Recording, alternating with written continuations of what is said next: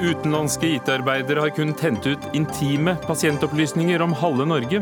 Detaljer om aborter, psykiske problemer, medisinbruk, kjønnssykdommer kan være på avveie. Og Helsedirektoratet kan ikke utelukke at sykehus skjuler de virkelige ventelistetallene, viser ny rapport. Så det blir en del om helse i Dagsnytt 18 i dag, og vi skal høre at en del er blitt bedre, men fortsatt er det mangler i Justis- og beredskapsdepartementets arbeid med nettopp beredskapen. Det sier Riksrevisjonen i en undersøkelse som kommer etter en knusende rapport fra 2015. Er det godt nok? Og Troms og Finnmark blir ett. Arbeiderpartiets Helga Pedersen kan ikke se en eneste positiv side ved sammenslåingen.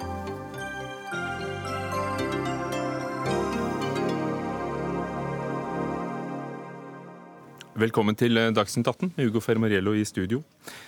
Helse Sør-Øst vil eh, sette i gang en ekstern granskning etter at NRK i dag kunne fortelle at rundt 100 IT-arbeidere i Asia og Øst-Europa har hatt tilgang og utvidede rettigheter til Helse Sør-Østs datasystem.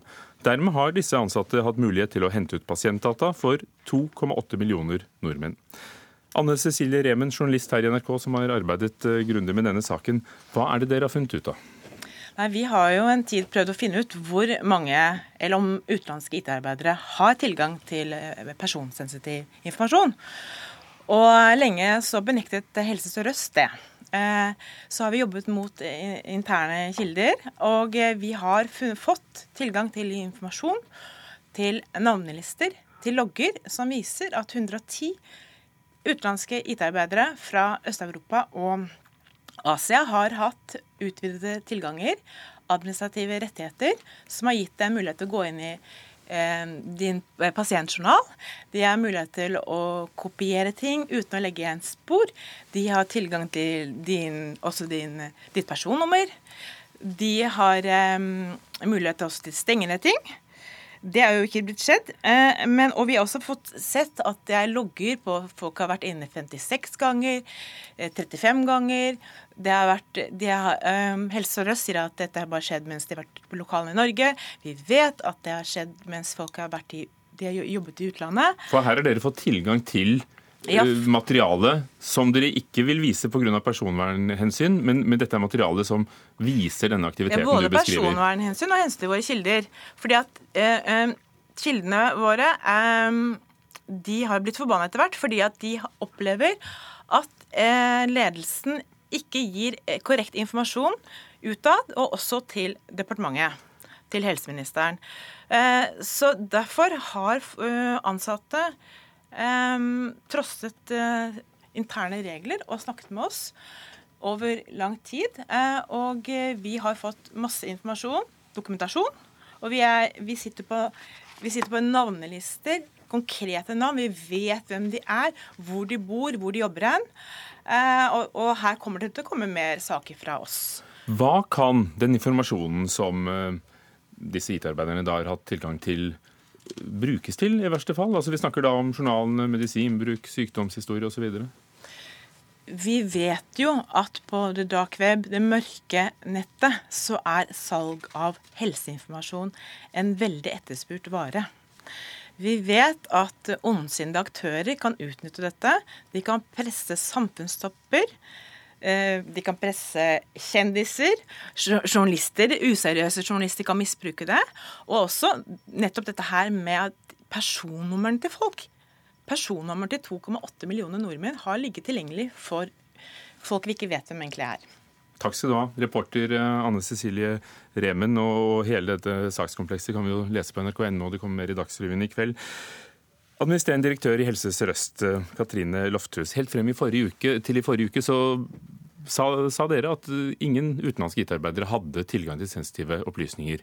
Eh, men nå innrømmer dere det. Men hvorfor visste dere ikke dette før? Jeg tror jeg skal begynne med å beklage at det er skapt utrygghet og usikkerhet hos den befolkningen vi har ansvar for spesialisthelsetjeneste for, og bare si at dette er ikke godt nok. Eh, vi har hatt fokus på å, å planlegge for en eh, fase hvor vi skal sette over driften eh, til en ekstern leverandør. Vi har ikke gått inn i den fasen enda. og hatt fokus på hva som skal på plass før vi går inn i den fasen. Men i denne planleggingen så er det riktig. Da har det vært, vært folk som har holdt på med teknisk kartlegging og opplæring, og i en periode hatt, hatt tilgang. Uh, og har de misbrukt den tilgangen, så har de kunnet gått inn og, og hente ut personsensitive opplysninger, eller i hvert fall lese det. Og nå som dette er brakt på det rene, vet dere om den tilgangen er misbrukt? Om de har gått utover det mandatet Eh, de skulle få? Vi har ingen, eh, ingen, eh, ting som tyder på det, men nå er det jo viktig for meg å få absolutt alle fakta på bordet. Som det ble sagt her innledningsvis, så har, har vi nå gått til vår eksterne revisor og bedt om en fullstendig gjennomgang av hele organiseringen, tilganger, fullmakt, hvordan dette er satt opp, sånn at vi har alle fakta på bordet før vi går videre med dette arbeidet. Dette er jo en såpass stor ting som dere har satt i gang. og et stort selskap har vunnet anbudet om å overta den delen av IT-virksomheten. Det skulle komme en virksomhetsoverdragelse 1. mai, som nå er uh, utsatt. Hvordan er det mulig at dere i Helse Røst med noe av den viktigste dataen dere sitter på, altså kilometer med arkiver hvis det hadde vært gamle mapper, uh, at dere ikke visste hvem som kunne gå inn i det rommet? Det er eh, navngitt hvem som har blitt gitt tilgang, og det er blitt gjort for en begrenset eh, periode eh, for å kunne gjøre teknisk kartlegging og opplæring. Det som er problematisk for meg, er at jeg ikke har hatt kunnskap om det. Ja, for Det, det var jo mitt spørsmål. Hvordan kan det ha seg at du som, som styrer dette, for så kort tid siden ikke, ikke visste om det? Nei, Det er jo derfor jeg skal ha en fullstendig gransking og gjennomgang nå. For, at, for å få alle faktaene på bordet. Eh, sånn at vi har trygghet for, eh, for alle opplysningene før vi går eh, videre. Torgeir Waterhouse, direktør for internett og nye medier i bransjeorganisasjonen IKT Norge. Hvor alvorlig er det at IT-arbeidere kan, kan, se sånne opplysninger? Fordi de forvalter jo ofte nettopp dataene om oss. Ja, så, Som jeg har sagt i tilfellet her, sånn, så er det jo sensitive data altså all, som kan misbrukes. og Det er meget alvorlig at de har tilgang til det. Og så er det samtidig sånn at eh, det er viktig når vi nå oppdager dette og det kommer ut og blir en debatt, så er det viktig å skille mellom at det har vært en feil som gjør at de har kunnet gå inn, og at de faktisk har gått inn og misbrukt data. Så det, vi må være edruelige der. Eh, det at om dataen er misbrukt eller ikke, reduserer ikke alvorlighetsgraden på feilen som var der. Men, men bare være bevisst på den at åpningen betyr ikke at den er brukt. Eh, det, det, vi ser i saker som dette, og som vi syns er veldig bekymringsverdig, det er at man gang på gang på gang oppdager også det som ble sagt her, at man har ikke full kontroll i hele kjeden på hva som faktisk foregår. Ofte, og jeg skal ikke uttale meg om denne konkrete saken, for det, det gjenstår en granskning som skal vise det, men ofte så handler det om at det ikke brukes nok fagressurser, nok tidsressurser og for den del nok penger på å sørge for en god nok organisering rundt det man gjør. Og eh, helt kort er det sånn at en av de feltene vi ser det brukes for lite ressurser, det er IT-sikkerhet. Og det er ikke et helsespesifikt spørsmål, det er ikke et offentlig sektor-spesifikt spørsmål. Det er en problemstilling over hele linja. Hva burde Lofthus ha gjort? I denne konkrete saken som sagt, så må man se an granskningen. Men, eh, men hvis vi skal se generelt på den type problemstilling, så trenger man en mye større grad av fokus på disse spørsmålene, de store linjene i dette, helt opp i toppledelse og helt inn i styrerommet. På lik linje med andre sentrale driftsfunksjoner i enhver organisasjon. Og Katrine Lofthus, helt inn i styrerommet deres i Helse Sør-Øst ble det jo advart av konserntillitsvalgte i fjor høst, da det ble besluttet å, å sette ut IT-infrastrukturen på anbud. Eh, hadde det ikke vært greiere å holde alt innabords, så hadde det bare vært deres egne ansatte som alltid som hadde hatt tilgang. Hvorfor risikere å, å sette det ut? Det er klart at det var eh, fokus på dette med pasientinformasjon da hele saken ble behandlet eh, i styret. Og da hadde vi fokus på den fasen som du sier riktignok ikke vi har gått inn i, for det har ikke vært noe virksomhetsoverdragelse. Og det var konkrete hva, advarsler fra de ja, tillitsvalgte? Hva må på plass? Eh, akkurat som det ble pekt på her. Altså hvor mye ressurser og tid må vi bruke på å få både sikkerhetsmekanismer og også kontrollmekanismer på plass. Eh, og det, Den fasen har vi ikke gått inn i, og det jobber vi med. Også i den planleggingsfasen så har det altså vært gitt noen tilganger, og det beklager jeg på det sterkeste. Og så skal vi ha en fullstendig gjennomgang nå. Er det derfor dere har utsatt eh, virksomhetsoverdragelsen til Hewlett Packard Enterprises? Det var flere årsaker til det, men så klart dette er en av årsakene at vi må ha fullstendig eh, kontroll på om vi har de sikkerhetsmekanismene og de kontrollmekanismene vi skal ha på plass før vi kan overlate driften til en ekstern leverandør. Waterhouse, er det, problem, er det et større problem at uh, disse som har jobbet med og fått disse tilgangene urettmessig, har vært i utlandet, befunnet seg i utlandet, enn om de hadde vært norske? Det blir alltid fokus på det i slike saker. Eh, det man skal være klar over er at En utro tjener eller en, eh, en som har tilgang som ikke burde hatt det, eh, kan like gjerne sitte i Norge som sitte i utlandet. Det er ikke sånn at det automatisk er sikrere hvis noen sitter innenfor Norges landegrenser. Og det er ikke sånn at automatisk en person fra Bulgaria, som ble sagt her, Øst-Europa og Asia, at de er uh, mer kriminelle eller mer tilbøyelige til å misbruke data enn folk i Norge.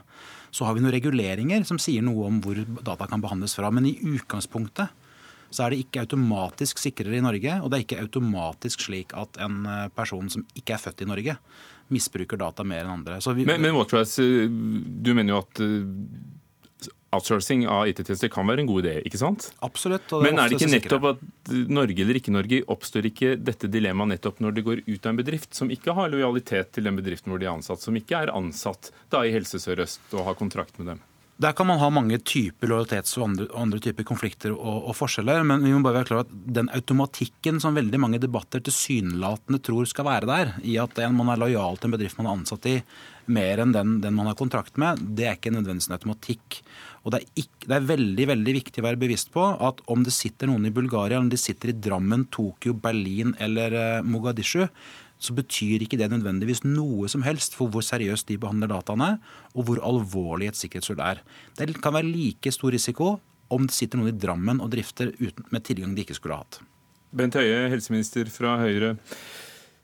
Hvordan står det til ved de andre helseforetakene?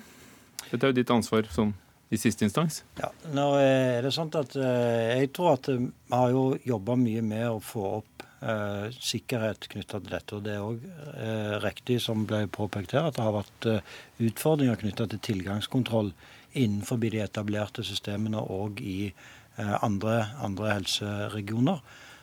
Som jo bl.a. Riksrevisjonens rapporter har påpekt tidligere. Nå er vi i en situasjon der, der jeg fornøyd med at Helse Sør-Øst har eh, nå bestemt styr styret der at de vil igangsette en eh, ekstern granskning av dette med gjennom sin revisor. Det er jo styret i Helse Sør-Øst som har ansvar for å vurdere denne type, type spørsmål. Og, Men hvis det, du sitter og ser på at det ikke kan håndteres skikkelig? Det er helt riktig. Hvordan vil du gripe inn? Derfor har jeg vært opptatt av, når jeg opplevde at det var Eh, en forskjell mellom det som eh, NRK hevder å kunne dokumentere i saken, og det som, eh, som da var svarene fra Helse Øst, så sa jeg allerede at jeg hadde behov for å få en ytterligere redegjørelse fra Helse Sør-Øst om disse, disse, spørsmålene. og Nå har styret i Helse Sør-Øst hatt møte om denne saken i dag og kom fram til at de òg har behov for det som jeg forstår nå, men en gjennomgang av situasjonen. For det er utrolig viktig at dette blir håndtert på en eh, skikkelig måte. Den får nå de riktige svarene på bordet. Kan dere komme til å stanse hele prosjektet? Det er for tidlig å si, men vi må få alle fakta på, på, bordet nå. Så er det viktig for meg å si også at eh, det vises til lister til 110, og så er det ikke 110 som har hatt alle typer eh, samme tilganger. Noen har hatt en e-postkonto fordi de er med i et prosjekt. Men ja, noen har hatt tilganger også til infrastrukturen, og da kunne misbrukt det. Og derfor må vi få nå alt, alle fakta på bordet. Takk skal dere ha, alle sammen. Katrine Lofthus, administrerende direktør i Helse Sør-Øst, Bent Høie, som blir værende her i Dagsnytt 18, og Torgeir Waterhouse fra IKT Norge. Dagsnytt 18 alle hverdager kl 18.00 på NRK P2 og NRK2.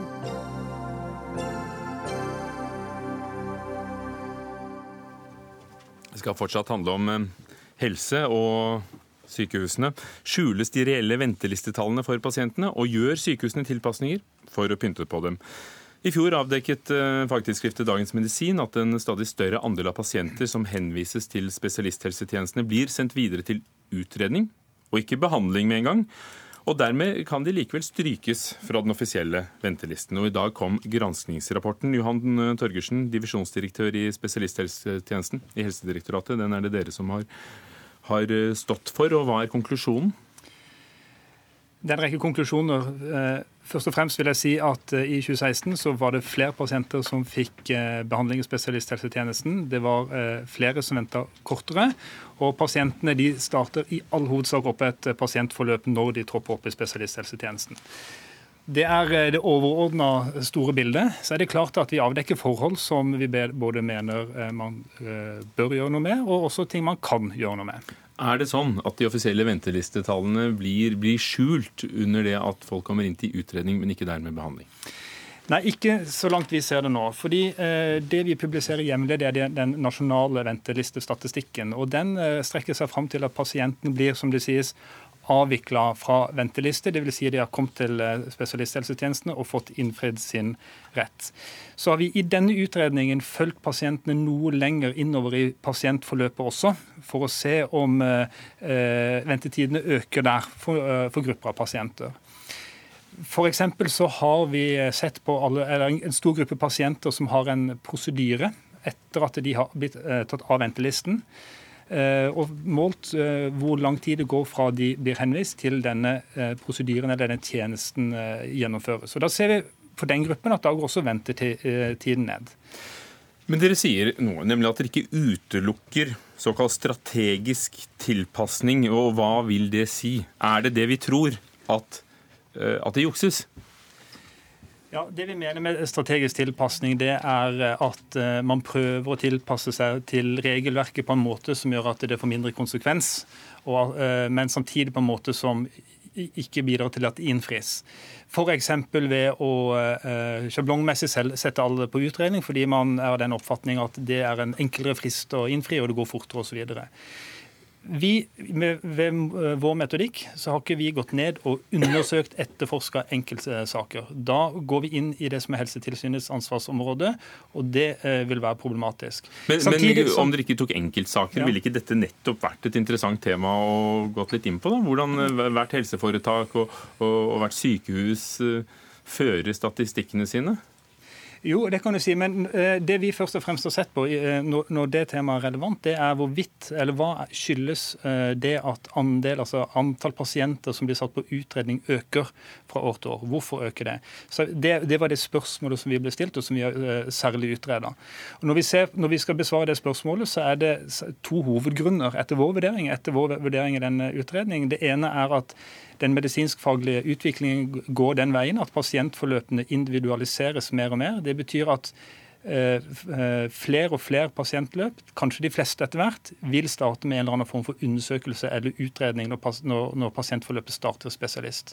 Så har også eh, vi sett på hvorvidt regelverket følges, og vi ser jo at regelverket i større grad følges. Prioriteringsveilederne som setter premisser for, for dette, er i større grad implementert. og Vi mener at det er hovedgrunnene til at andel utredning øker. Men vi kan ikke utelukke at en komponent her også er eh, tilpasninger, eh, som nevnt. Eh, og også registreringspraksis, hvordan vi faktisk måler dette og følger det opp i de pasientadministrative systemene. For det er forskjellige. Mm. Hvilke endringer er dere foreslår? For dere kommer jo likevel til at noe, noe, må forandres? Ja, og jeg har lyst til å trekke fram en ting til også som vi avdekker. og det er jo at dette regelverket, Selv om man praktiserer det likere nå enn for årene før, så er det fremdeles variasjon i hvordan regelverket forstås og hvordan det eh, brukes. Det kom særlig godt fram med den journalgjennomgangen vi gjorde. Hvor vi ba eh, dyktige, erfarne leger som gjør vurderinger til vanlig i sitt vanlige yrke, leger og psykologer, vurdere henvisninger eh, eh fra samme henvisninger, og de ble vurdert av fire i fire ulike foretak. Da så vi at det ble gjort ganske ulike vurderinger mellom foretakene. Så det er viktig å slå fast og ikke bare skjønnmale dette. er. Regelverksforståelsen og, og, og, bruken er ulik, og det må vi gjøre noe med. Eh, på tiltakssiden så foreslår vi eh, først at vi må registrere bedre. Sørge for at den informasjonen som pasientene skal ha om rettighetene sine, registreres riktig. Da får vi tillit til tallene, og vi kan, vi kan analysere tallene og bruke dem på en annen måte. Men kanskje det viktigste og mest, det som er mest interessant å diskutere framover, det er jo det at vi nå i Helsedirektoratet så har vi kommet dit hen hvor vi stiller spørsmål ved om dagens pasient- og brukerrettighetslov er egnet til å sikre pasientenes rettigheter i den moderne medisinske konteksten vi lever i i dag. I dag så er det et skille, så skal det skilles på pasienter som er avklarte og uavklarte. Det tror vi nå er uhensiktsmessig. Vi mener at vi nå må utrede og vurdere om man skal ta vekk det skillet, i alle rett til en helsehjelp. Bakgrunnen er enkelt og greit. Pasienter flest trenger utredning og undersøkelse før de starter å forløpet. Så ikke ventelistegaranti? Den kan man fint ta med seg en sånn eh, type system også. Alle pasientrettigheter kan videreføres, men på en annen måte. Diskutere det i fremtiden, sier du Johan Torgersen i Helsedirektoratet, divisjonsdirektør for spesialisthelsetjenesten. Vi kan diskutere det allerede nå med Torgeir Micaelsen, helsepolitisk talsmann fra Arbeiderpartiet, og helseminister Bent Høie. Ventetiden eh, Michaelsen, går ned, pasientene får den behandlingen de trenger, og dette er vel akkurat det du har etterlyst, f.eks. her da vi snakket om dette sist for et halvt års tid siden? Altså Det som har vært eh, tema for debatten de siste årene, har ikke vært om eh, mange pasienter får veldig god hjelp raskere enn før og bedre enn før. Spørsmålet har vært om de får en så fantastisk mye bedre eh, behandling og raskere hjelp nå med Bent Høie som helseminister enn hva de hadde hatt hvis ikke var han. Og det har nok denne rapporten påpekt, at eh, bildet nok er noe mer sammensatt enn han har gitt inntrykk av. Direktoratet bruker i denne rapporten ord som at det er veldig komplekst, bildet er veldig sammensatt. Noen pasienter venter faktisk lenger enn før, mens andre pasienter venter kortere. Eh, og selv om det ikke er noen tvil om at tiden til første kontakt ved sykehuset, når du først blir tatt inn første gangen i sykehuset, den har gått ned. Det er det ingen som betviler. Så gjenstår det dessverre en lang rekke ubesvarte spørsmål, som f.eks. hva skjer med pasientene som er blitt lovet ulike avtaler internt på sykehuset? Eh, skjer, hvorfor øker antall avviste pasienter som ikke får rett til helsehjelp? Så jeg skulle ønske at vi hadde kommet liksom nå i mål. sier vi. Nå er det sånn, fasiten er gitt, her er alt bra. Men det er dessverre en del ubesvarte spørsmål. Bent Høie, kommer vi noen gang i mål? Eh, jeg er jo ikke fornøyd med de ventetidene som er i dag. Jeg, derfor har jeg sagt at hvis Høyre vinner valget, så er mitt neste mål at ventetiden skal under 50 dager i snitt i løpet av neste periode. Nå har vi klart å få den ned i under, eh, eller til 60 dager i snitt. Og så er det sånn at eh, jeg er heller ikke Og Er det da snakk om ventetid til behandling eller utredning igjen? Den måten som vi måler ventetiden på nå, og som vi har målt den før, og som er det som er det tallet som det er mulig å sammenligne eh, med. Og så skal vi ha en diskusjon basert på det som Helsedirektoratet har anbefalt, som jeg mener er en veldig viktig og god diskusjon, nemlig om en skal oppheve skillet mellom rett til behandling og rett til utredning i pasientrettighetsloven. Rett og slett fordi, som eh, direktoratet påpeker, så er det for pasienten selvfølgelig viktig at de får den rette vurderingen. Og hvis loven ikke bidrar til å understøtte det som er god faglig praksis, så er det heller ikke til gode for pasienten. Men det som er viktig for meg, det er at hvis vi skal gjøre den endringen, eh, som jeg mener vi skal nå sette i gang et utredningsarbeid på, så må vi trygge det videre forløpet for pasienten òg. Jeg er glad for at Helsedirektoratet da peker på nettopp modellen pakkeforløp, som vi har innført, som én måte å svare det på. Så er det også sånn at eh, selv om Torgeir Micaelsen stiller mange spørsmål som det finnes svar på, f.eks. Eh, hvor sykehusene holder avtalen underveis i et forløp, så er det sånn at jeg allerede i 2015 ba eh, sykehusene om å eh, skal etablere måling av det. Og nå i 2017 er første året der vi faktisk måler alle sykehusene òg på det. Sånn at i framtiden, eller nå snart, så får vi òg tall på hvor sykehusene holder avtalene med pasientene underveis. Og jeg har sagt at hvis jeg får fortsette som helseminister, så skal en ved utgangen av neste stortingsperiode skal sykehusene òg holde 95% av de avtalene som de inngår med pasientene underveis i forløp. Ville du kunne love det samme?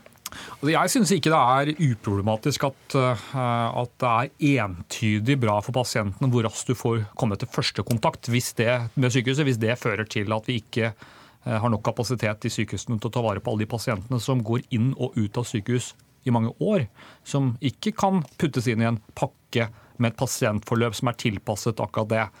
Eh, hvis Arbeiderpartiet vinner valget, så skal vi sørge for å ta den diskusjonen som her tas opp videre. Jeg er enig i at dagens lovverk ikke er ideelt, sånn som det nå blir praktisert. Eh, men vi må gjøre noe annet i tillegg. Vi må ruste opp sykehusene så de er i stand til å ivareta de interessene som pasienten har, eh, basert på det vi har vedtatt. Og så må vi få en helt ny måte å presentere ærlig, åpne, data om kvalitet og ventelister. Fordi det Bent Høie nå Er det ikke nå, det vi akkurat satt og, gjorde her, med poenget, den, poenget, den, rapporten poenget, Høie har bestilt fra direktoratet sitt? Men det gir ikke svar på alle det. Poenget er at når, når Høie f.eks. sier at nå skal sette som mål om at nå skal være det en ventetid under 50 dager, det han da snakker om er tiden det tar til første møte med sykehuset. Etter det er det i dagens lov ingen juridiske frister eller mulig å se hva som skjer med pasientene. Det derfor- må vi gjøre noe med. Da vil vi få en mer ærlig debatt. Så en ny type debatt. pasientrettighetslov. Eh, Jeg tror at, at, at vi må endre loven, ja. Men jeg tror at det er like Høye. viktig å få en mer ærlig og edruelig Som presentasjon. jeg, som jeg har nettopp sagt, eh, det arbeidet blir nå igangsatt. Men det er jo sånn at jeg har innført et system nå der vi måler og sykehusene på om de eh, holder avtale med pasienter. Hvorfor er ikke det med i rapporten da? Fordi rett og slett det er nå vi starter å måle Ja, men dette har jo du foreslått det- to år siden, Men eh, Torgeir Micaelsen, du vet utmerket godt at det tar tid å få etablert denne systemet. Jeg har gjort det, du snakker om det. Så er det òg en annen vesentlig forskjell.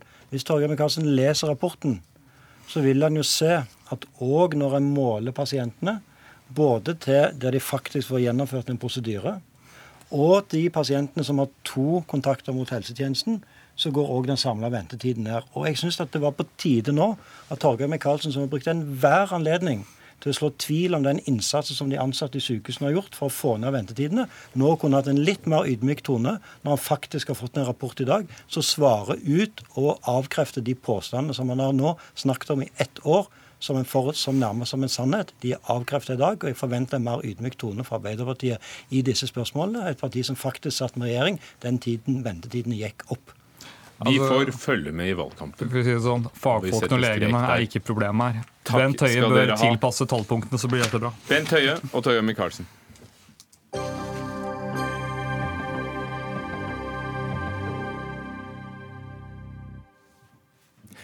I forrige uke inviterte Islamic Cultural Center, Islamsk kultursenter på norsk, til åpen dag i sin moské i Oslo, som de har gjort hvert år siden 2009. og Denne moskeen har 4000 medlemmer og er blant de første som kom i Norge. På åpen dag så kan hvem som helst av oss eh, gå innom, smake på tradisjonell mat, prøve hijab, se hvordan eh, bønneritualet foregår i moské. Men dette er bare spill for galleriet, det sier Hege Storhaug i Human Rights Service til Vårt Land. Hege Storhaug, hvorfor mener du at det er spill for galleriet å, å invitere alle inn? Fordi at eh, islam er en sterkt misjonerende religion. Eh, Dava det pågår eh, nær sagt over hele Norge nå. Eh, og det er om å gjøre å verve medlemmer, akkurat som Human Rights Service eh, er interessert i å få flere støttemedlemmer. Eh, så det å si at moskeen er åpen for alle, det er en klassisk uttalelse. Den ser vi ulike steder i Norge. Eh, Og, og da veier forkynnelsesarbeid, men, men det er jo det trossamfunn ofte driver med, om de strikker sokker til misjonen eller eh, Riktig. serverer mat i moskeen. Riktig. Så dette her er en aktiv misjonering for å verve nye medlemmer, konvertitter osv. Og det samme skjer på Karl Johan her i Oslo. Eh, Islamnett, salafistene, altså det er også et totalitær ideologi, de står også på Karl Johan og prøver å overbevise nordmenn om at islam er fred, barmhjertighet, kjærlighet osv. Og så verve nye medlemmer, og ikke minst få folk til å konvertere. Det samme gjør jihadistene i profetens umma. Det har NRK vist bilder av tidligere. Så jeg er ikke imponert, for å si det sånn. Du har tidligere kritisert, som du gjør nå, eh, sider av islam. Men er ikke det å åpne dører uansett et positivt initiativ fra moskeen? Fordi islam kan jo være flere ting. Islam er ikke bare én størrelse, det har jeg understreka i alle år. Eh, Men denne moskeen er helt udiskutabelt en totalitær eh, moské. Eh, Den har sitt utspring i Pakistan, i et religionspolitisk parti, Jamaat Islami. Stifteren, Maududi, han anses for å være den beste islamisten i det forrige århundret, sammen med en egypter som heter Kopt. Eh, Dette har hatt konsekvenser i Pakistan, og det har fått nå konsekvenser ideologisk verdimessig inn i Europa. Så Islamic Cultural Center-ideologi finner du i Norge, du finner det i Storbritannia, du finner det i Sverige, du finner det i hele Vest-Europa. Arsad Jamili, Jamil, styreleder i, i moskeen Islamic Cultural Center. La oss begynne i den andre enden. Hvorfor arrangerer en åpne dag? Er det for, for å drive forkynnelse og konvertere folk? Eh, absolutt ikke. Eh, la meg gå til litt tilbake i tid. Eh, ideen til eh, Åpen moskédag eh, startet jo i 2009. Eh, og det var da vi fikk et kulturbygg, eh, et moskébygg, et steinkast unna Oslos Manhattan. Og det var veldig mange det Grønland, som vi kaller det? Grønland, ja. Og folk gikk forbi, var litt skeptiske. Noen titta innom. Enkelte turte å åpne døra og stille spørsmål. Og det var sånn vi kom på den ideen. Og første gang vi arrangerte dette, så kalte vi det for egentlig en nabodag. Så vi delte ut flyers i nabolaget i sameiet og til butikken, butikklokalene i nærområdet. Så det er ikke misjon, misjonsvirksomhet, altså? Det vi sa på den, den tiden, var at kan ikke dere komme innom og se hvordan vi lager bomber? Eh, ærlig talt. Sa dere det? Ja, vi sa det. Eh, og, men fra spøk til eh, alvor. Eh, det handler veldig mye om kunnskap, handler veldig mye om førstehåndsinformasjon. Og det kommer jo også tydelig frem i artikkelen i, i avisen i Vårt Land, der de som var der selv, kunne fortelle hvordan de opplevde eh, den dagen. Men, men, dere er jo basert på læren eh, og, og, bevegelsen eh, Jamaat Islami, som eh, Hege Storhaug påpekte. Og til og med Laila Bokhari, som den gangen var en kjent forsker ved NUPI, sa at dette er en fundamentalistisk og konservativ bevegelse da dere arrangerte første åpen dag. Er dere en konservativ og fundamentalistisk bevegelse? Eh, nå er det veldig viktig at i den islamdebatten vi er vitne til i dag, at vi bruker begreper uten å kanskje ha synkroniserte meninger. Du kan legge, eller noen andre kan legge noe annet i å være konservativ, mens jeg kan legge noe annet. Eh, og jeg tror det aller første man må gjøre, er å definere begrepene. Hva snakker vi om? Da er det kanskje lettere å forholde seg til hva man gjør. Selv. Men la oss høre. Hege Storhaug, ja. den utdannelsen jeg siterte, var forresten gitt i Aftenposten uh, den gangen. Uh, hva snakker vi om? Hva legger du i at de er fundamentalistiske? Altså Her snakker vi om en islam som er totalitær. og Jeg pleier å bruke bilder til folk som ikke er så veldig godt skolert på islam. Du kan se for deg det saudiske samfunnet, og så har du nesten en kopi av deres ideologi. Uh, jeg vil ta fram én ting. Kvinnesynet. Eh, vi lever i Norge i 2017, og vi nyter godt av likestilling. Det nyter menn godt av, og kvinner godt av. Maududi og hans kvinnesyn er følgende. Hun skal ikke ses, hun skal ikke høres, derfor skal hun ikke bruke hæler. Hun skal ikke kunne luktes, hun skal ikke bruke parfyme. Aller helst skal hun bare holde seg hjemme. Altså Dette her og flerkoneri, det har de Aftenposten avslørt eh, i 2003 eller 2004, jeg husker ikke helt. Men da ble det avslørt at de driver med eh, propaganda i form av pampletter for flerkoneri. Og HRS skrev en rapport om denne moskeen i 2006 ved hjelp av en pakistansk forsker som gikk inn i biblioteket til ICC og henta ut materiale som de promoterer overfor sine medlemmer. Og det er re Oi, unnskyld. Det går bra. Det er, det er bare mikrofonen. Det er ren Maududi-ideologi. Et øyeblikk. Mina Adampour, du er leder av Landsforening mot rasisme. Selv eh, praktiserende muslim og kjent samfunnsdebattant. Du har besøkt ICC-moskeen flere ganger. Harmonerer denne beskrivelsen av kvinnesynet med hvordan du oppfatter det? Nei, det gjør det ikke. Og det er det som er litt trist når det er individer i det offentlige ordskiftet i Norge i dag som hevder å skulle representere og redde kvinner som meg med minoritetsbakgrunn og tale på vegne av meg, men som ikke vet hva de snakker om. Men har Storhaug gjort, gjort, slett research om uh, hva ICC står for, da? Altså Bare for å vise et konkret eksempel på hvordan Storhaug gjør research. da. Det er at Støre kom med et teoretisk antall uh, på flyktninger som man skulle ta inn til Norge på 10 000. Det Storhaug gjorde da, var at hun tok det teoretiske flyktningantallet med mennesker, og så koblet hun det løsrevet til en undersøkelse Al Jazeera hadde gjort. Men nå er det ikke den saken vi diskuterer. Nei, nei, nå snakker vi om ICC. Hun er ingen akademiker, hun er heller ingen islamkjenner. Og det hun gjør, er at hun eh, plukker her og der, og så prøver hun å sette det sammen til at Eh, denne moskeen da bare bedriver skuespill fordi islam er en totalitær ideologi, som hun selv sier. Og det som er viktig, er at man husker hva det er Storhaug propaganderer. Hun vil forby moskeer. Hun vil nekte myndige kvinner å gå med skaut. Hun sier at islam ikke er kompatibel med vestlige verdier, og hun sier at det er vi muslimer som er bærere av disse verdiene, som er inkompatible med Vesten. Men Der syns jeg vi skal slippe til Storhaug med en replikk. Ja. Både om hvordan du finner fakta om ICC, om det, om det stemmer eller ikke. fordi her er det jo en annen som besøker moskeen flittig. Fakta om ICC det ligger to tastetrykk unna. Eh, og eh, Mina Radampour er uhyre uredelig nå. Jeg har aldri sagt at islam i seg selv er en totalitær ideologi. Aldri. Eh, det, det, jeg, har, jeg, har, jeg, har, vært veldig nøye i den siste boka mi om islam, hvor jeg deler islam i to.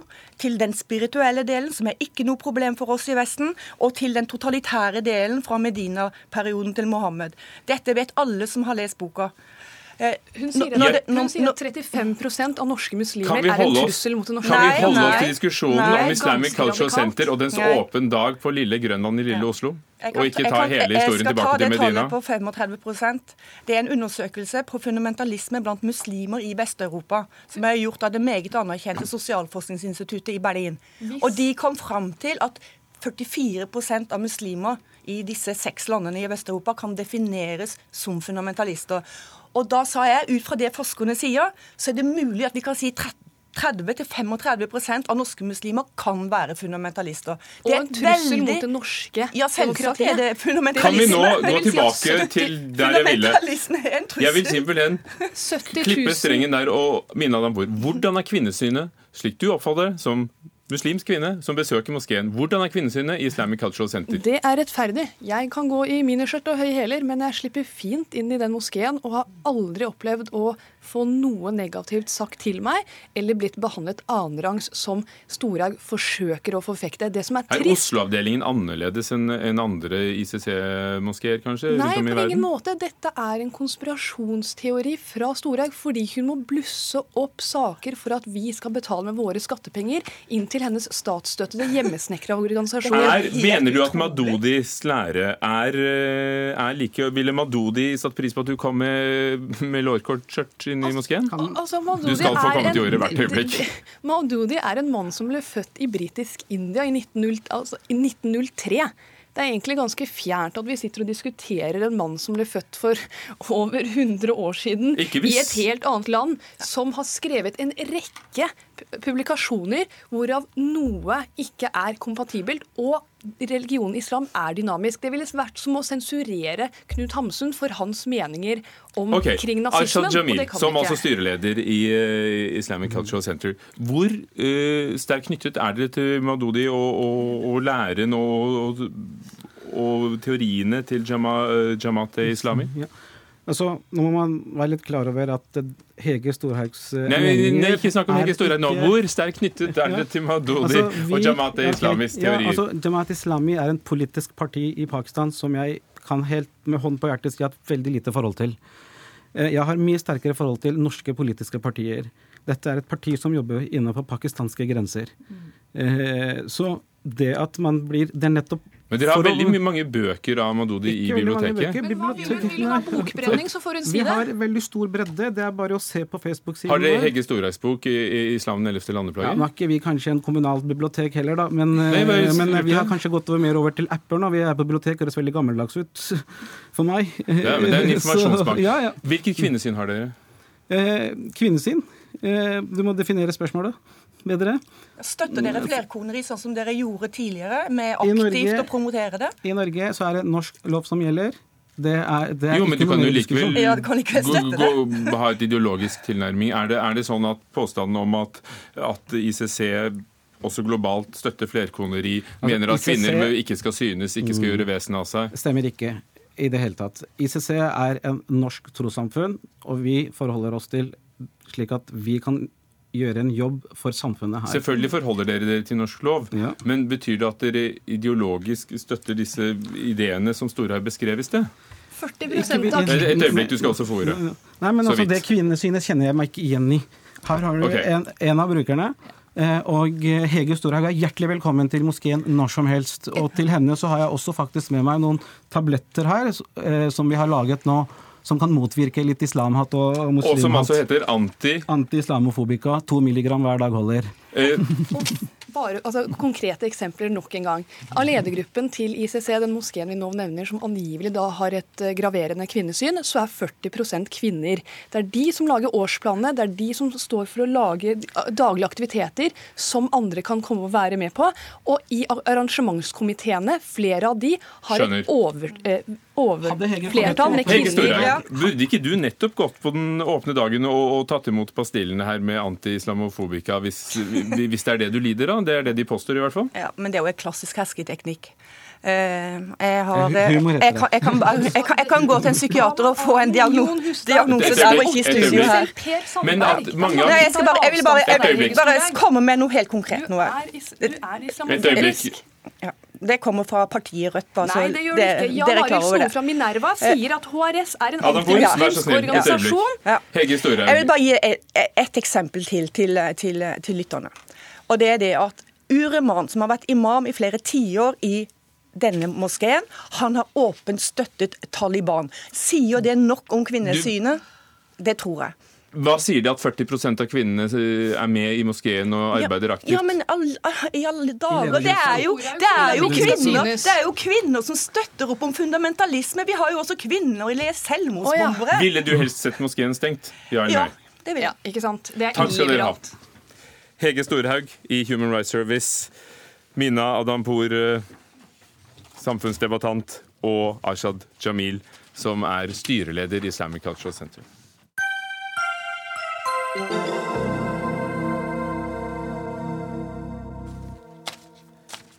2015 sa Per Christian Foss, riksrevisor, jeg legger ikke skjul på at dette er den mest alvorlige kritikken vi har kommet med i min tid. Det gjorde han da han la frem Riksrevisjonens undersøkelse av Justis- og beredskapsdepartementets arbeid med samfunnssikkerhet og beredskap etter 22. I går la Riksrevisjonen frem resultatene av oppfølgingsundersøkelsen, som skulle finne ut om myndighetene har lært av feilene. Mye er blitt bedre, ifølge rapporten, men den avdekker også mangler og regelbrudd. Riksrevisor Per Christian Foss, hvilke mangler var dere fant den gangen i 2015, da du tok sterke ord i din munn? Nesten alt manglet. Det var ikke blitt noe særlig bedre etter 2011. Og Justisdepartementet, som skulle være lederdepartementet i dette arbeidet, hadde ikke fulgt opp sitt arbeid overfor andre departementer, og, heller ikke overfor eget departement, så det var svikt over hele linjen. Men eh, Stortinget tok dette på veldig alvor, fordi at 22. juli, eh, det som hendte da, ligger sterkt på, på Stortinget. Eh, Ikke minst den åpenheten man eh, introduserte den gang, man ønsket å, å forfølge. Og man regnet jo med at eh, alle politikere, alle partier og avskygninger tok dette på, på, på største alvor. Derfor var man så skuffet i, i, i 2015. Men den, og Stortinget ba oss da derfor fremskynde en oppfølgingsrapport som etter, kom etter to år, ikke etter tre år som vanlig. Og jeg syns det er gledelig for seg at jeg kan si i dag at nå, det, denne rapporten viser at Justisdepartementet har eh, klart å gjøre jobben sin mye bedre. Ja, ja hva er blitt bedre? Og, og kan du være konkret? Kan du fortelle Ja, oss hva de gjør? Eh, Noe av det som jeg tror har virket best, det er at eh, øvelser i hvert departement skal nå rapporteres inn for regjeringen. Så det er regjeringen som sitter i en regjeringskonferanse og får rapporten og ser hva som har gått galt. Og så må man tilbake i en ny regjeringskonferanse for å lukke avvikene, som det heter. Altså fortelle hva, at man klarte bedre annen runde. Og det har, tror jeg har virket sterkt. Fordi mitt inntrykk, og det ga jeg uttrykk for også den gangen, var at dette ikke var løftet høyt nok på den politiske dagsordenen i departementene. Så det tror jeg er det viktigste tiltaket. Og så samarbeider Justisdepartementet bedre med DSB, Direktoratet for sikkerhet eh, og beredskap, og de, de har klart å koordinere sine egne kontorer, slik at de eh, to kontorer sier det samme i samme departement. Det skjedde ikke for to år siden. Så samarbeidet mellom eh, de som, skal, eh, de som er sjefer og de som skal utføre det, går bedre enn før. Noen forbedring forbedringer er det også i hele fylkesmennenes arbeid for det regionale beredskap, men der gjenstår det fortsatt mye. Det er stor forskjell mellom fylkesmannsembetene. Ehm, Og vi har også pekt på at eh, noen departementer eh, har en for eh, uklar oversikt over det vi kaller risiko og sårbarhet, noe som er grunnlaget for enhver sikkerhetsanalyse. Man må kartlegge hva, hva, hvor er vi mest sårbare, hva er, hva er konsekvensen. Ja, dere Der- skriver jo faktisk at fire av de åtte departementene dere har eh, hatt tilsyn med, har hatt brudd på kravet om oversikt over risiko og sårbarhet. Hva, hva er det de da ikke vet? Hva er det ikke oversikt over? De vet ikke hva som er det viktigste. Og det må man vite hva, hvor man er mest sårbar, eh, og hva risikoen er, hva som kan skje. Den analysen må foreligge før man setter i gang eh, og på å si å gjøre noe.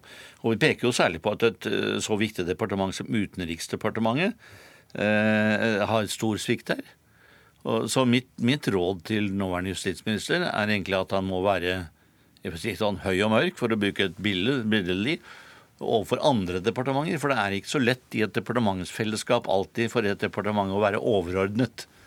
Bortsett fra finans, da, for de har jo penga, liksom. Men, men, for andre departementer som skal være overordnet på beredskap, så trenger man å være tøff og hard overfor andre departementer på hele kravlisten til hvordan beredskap skal organiseres. Og så vil jo de statsrådene som ikke gjør det, da, forhåpentligvis få kjeft, for å bruke et folkelig uttrykk, i regjeringskonferanse. Og det er vel ikke så populært. Og nå har jo statsrådene og ministrene kommet og gått uh, siden 2015. Per-Willy Amundsen, nå er det du som sitter som justis- og beredskapsminister. Det er snart syv år siden 22.07-terroren. Er det holdbart at det fortsatt finnes da feil og mangler, manglende oversikt over samfunnssikkerhet? Jeg tror det er viktig at uh, vi uh, legger til grunn den forståelsen av at arbeidet med beredskap det er en kontinuerlig prosess. Vi kommer aldri til å være i den situasjonen at vi er liksom 100% i mål. Men jeg setter pris på de gode rådene som Riksrevisjonen kommer med i sin rapport. Og legger vekt på at, som riksrevisor sier, at her det, har det skjedd en veldig positiv utvikling. For, for noe må jo ditt departement ha lært da i 2015, da, da den første kraftsalven kom fra, fra, Foss. Hva var det folkene dine gjorde? Altså, jeg tror at en av de viktige tingene, og det, det er egentlig Per Kristian Foss inne på, at det at man ansvarliggjør politisk, løfter sakene opp i regjering, gjør at du får en, et helt annet trøkk, en helt annen eh, forståelse for nødvendigheten av å gjennomføre tiltak. Eh, det har vi hatt eh, gode erfaringer med, og jeg er helt sikker på at eh, det er viktig å, å fortsette med. For, for, da var svaret altså det jeg spurte om det var holdbart at det fortsatt var feil og mangler, manglende oversikt i fire av åtte departementer. Det, da var svaret Nei, Jeg syns ikke det er holdbart. Og vi skal eh, forbedre disse tingene. Må huske at nå har det gått to år eh, siden 2015, eh, og situasjonen er langt bedre enn den var da. Men jeg kommer til å legge trøkk på å få eh, henta inn de manglene som fremdeles eksisterer. Og det vil bli fulgt opp politisk. Det er et viktig arbeid. Og jeg vil jo legge til at det er et arbeid som denne regjeringa har sittet høyt.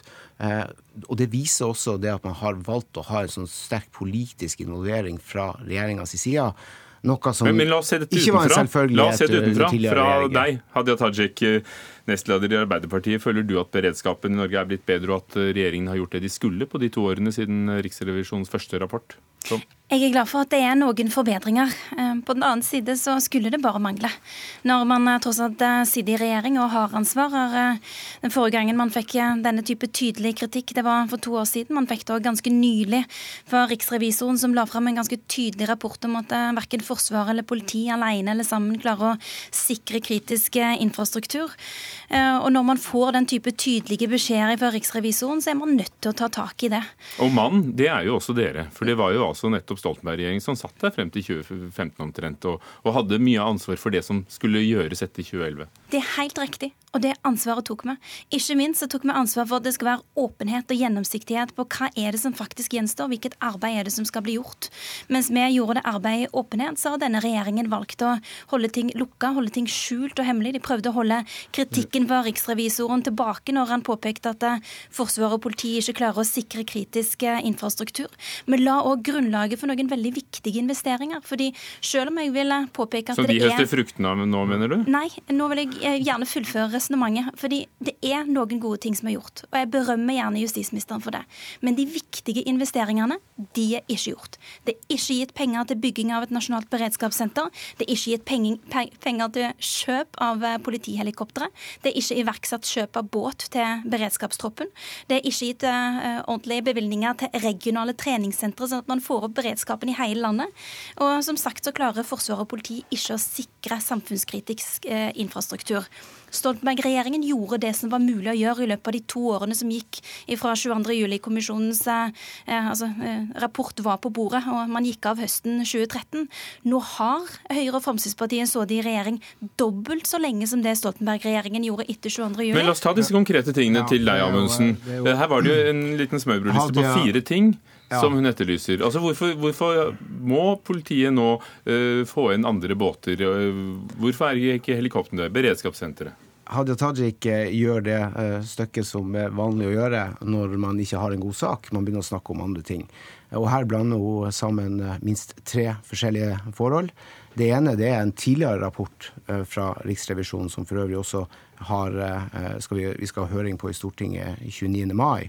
Eh, men hun eh, går ikke inn i denne rapporten, og det skjønner jeg utmerket godt, for den viser en positiv utvikling. Dermed så kan hun heller ikke bruke det som argumentasjon for å kritisere regjeringa. Så så? Så til Nasjonalt beredskapssenter. Det er altså sånn at Alnabru, som var det som eh, den forrige regjeringa la opp til som nytt plassering for eh, det nasjonale beredskapssenteret, var en slett jobb. den Det er et tomtespørsmål, mener Ja? Man, eh, man gjorde et valg av et sted som ikke var egnet verken øvelsesmessig, støymessig, eh, arealmessig, på ingen måte kunne ivareta beredskapstroppens behov. Jeg må få Så har korrigere vi- så- justisministeren på Kan jeg dette. få lov å fullføre mitt Jeg må resonnement? få lov til å Så korrigere er det- deg så er når det du kommer med viktig å denne type understreke direkte at- faktafeil. Så er det viktig- så er det viktig skal vi- skal vi Kan jeg få fullføre mitt resonnement? Nei, jeg vil bare høre den nei, Men hun korreksjonen. får fullføre det hennes. Du skal få fullføre det Ja. også. Hva vil du si? Høyre- og Fremskrittspartiregjeringen innrømte selv høsten 2014 at beredskapssenteret kunne bygges på Alnabru. Det står i deres okay, egne men dokumenter. Per Williamsen, fullfør. Ja. Ja, takk. Eh, Det, det, det, det er riktig at det kunne vært bygd, men det ville vært et dårligere beredskapssenter, som ville ha gitt dårligere øvingsfasiliteter, som ville ha bet- betydd eh, vesentlige konflikter med hensyn til støy. Eh, Arealmålene var ikke i stand til å møtes. Det vi gjorde da, var at vi gikk tilbake, satte oss ved tegnebordet, som den forrige regjeringa ikke gjorde. De gjorde ikke sin hjemmeleksa. Vi satte oss ned og fant en ny plassering for beredskapssenteret, og vi er i rute. Jeg kan melde at når det gjelder Taraldrud og bygginga av det nasjonale beredskapssenteret, så er vi i rute. Vi kommer til å levere, og vi kommer til å levere innenfor den planen vi har lovt Men dette er jo enkelt, eh, enkeltsaker. Ja, det var, eh, Hadia Tajik som store, tok dette nå. Men hva gjør du for dette som handler om å, å koordinere departementene? At mange av de regionale oppgavene, der varierer det veldig hvordan de følges opp. Hvordan kan du sikre at de andre departementene samarbeider bedre, og at fylkene, fylkene gjør Ja. det? Jeg skal gjerne svare på spørsmål, men da, sant, da, da er det litt greit å også få svare på de angrepene som kommer. Eh, Og det var det jeg gjorde nå. Eh, Når det gjelder fylkene, så, eh, så tror jeg vi må ta inn over oss at den, den ulikheten vi ser mellom eh, fylkesmannsembetene, eh, delvis lar seg forklare i eh, ulike forutsetninger, ulike, eh, altså, ulik utgangspunkt. Eh, men eh, jeg er opptatt av at vi skal eh, gjennom bedre styring, og nå har Kommunal- og moderniseringsdepartementet i gang bedre, et prosjekt for bedre styring av fylkesmenn, som eh, jeg tror vil gi resultater, og som vil eh, også på dette punktet eh, gjøre at vi leverer når det gjelder eh, styring av fylkesmenn Og når det blir klart? på for god beredskap. Da vil dere alle bli invitert igjen, for eh, her må vi sette strek. Takk, Per-Willy Amundsen, justis- og beredskapsminister. Hadia Tajik, nestleder i Arbeiderpartiet. Per Christian Foss, riksrevisor. Hør Dagsnytt 18 når du vil. Radio NRK Radio.nrk.no.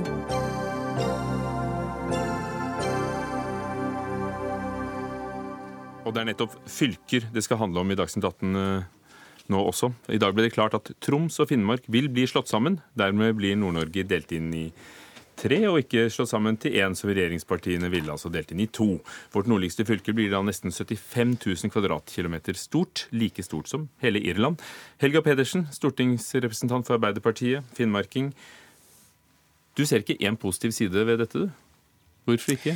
Nei, Dette er et eh, forslag som er temmelig virkelighetsfjernt. Det bærer eh, preg av at en håndfull eh, menn som ikke har sitt daglige virke i nord, har sittet og tegna et kart i strid med det finnmarkingene har ønska. Så sånn sett er det jo også udemokratisk. Og er enda til gode å se begrunnelsen for hvorfor man velger å slå sammen Troms og Finnmark.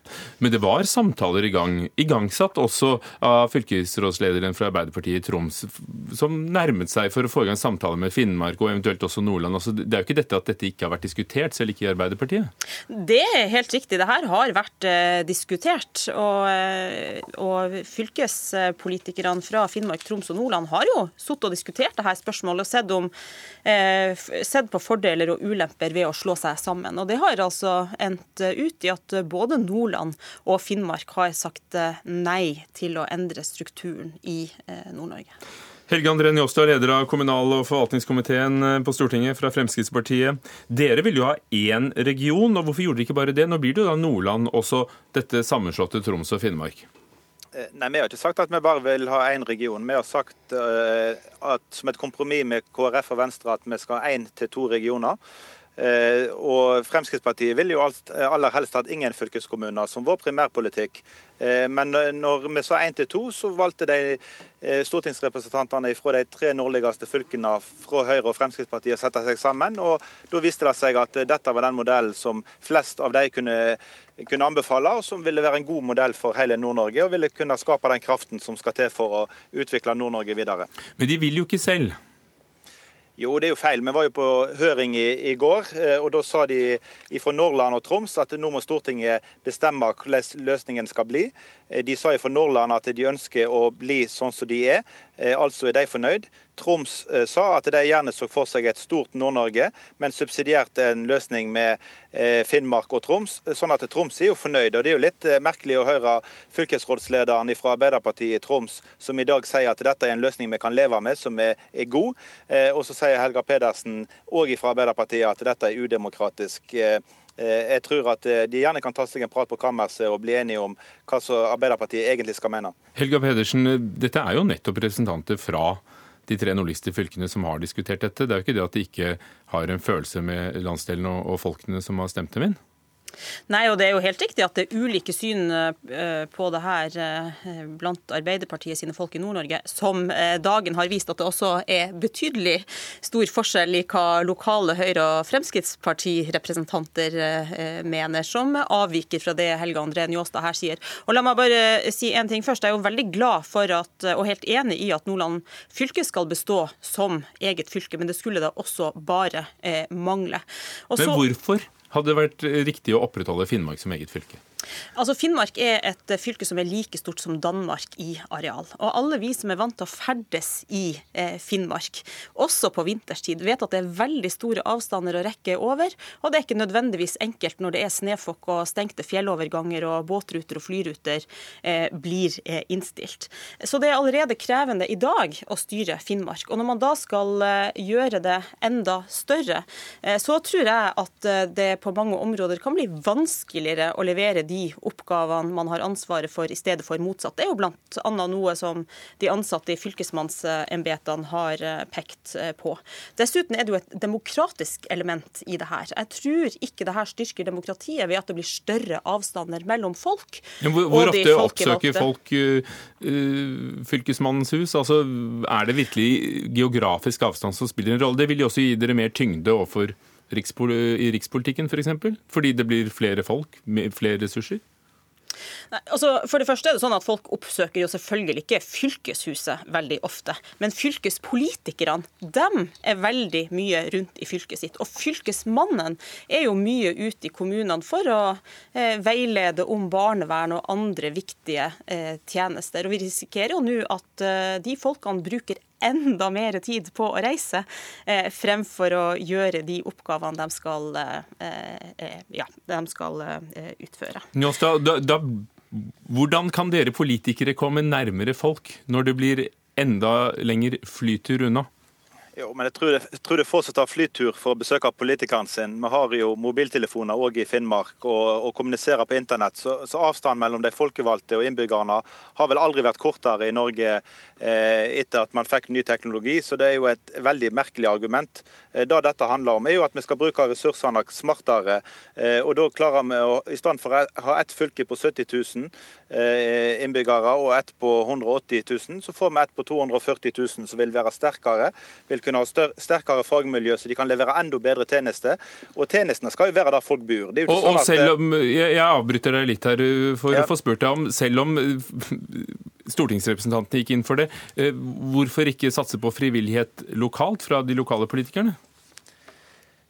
Eh, det er jo eh, frivillighet i forhold til at Troms har fått det som de, som de vil. Eh, men premisset fra Stortinget eller fra stortingspartiene var jo at man skulle ha om lag ti regioner i Norge. Eh, og, når man ikke klarte å, å bli enig lokalt hvordan det skulle bli, så eh, er det Stortingets ansvar. Da blir det sånn, Vil dere reversere dette, Helga Pedersen, hvis dere kommer i regjering? Det blir ikke gjennomført hvis vi kommer i regjering. Takk skal dere ha. Helga Pedersen og Helge André Njåstad. Ida Tune Øresland var ansvarlig for Dagsnytt 18. Frode Thorshaug, teknisk ansvarlig. Ugo Fermarello, programleder. Takk for i dag.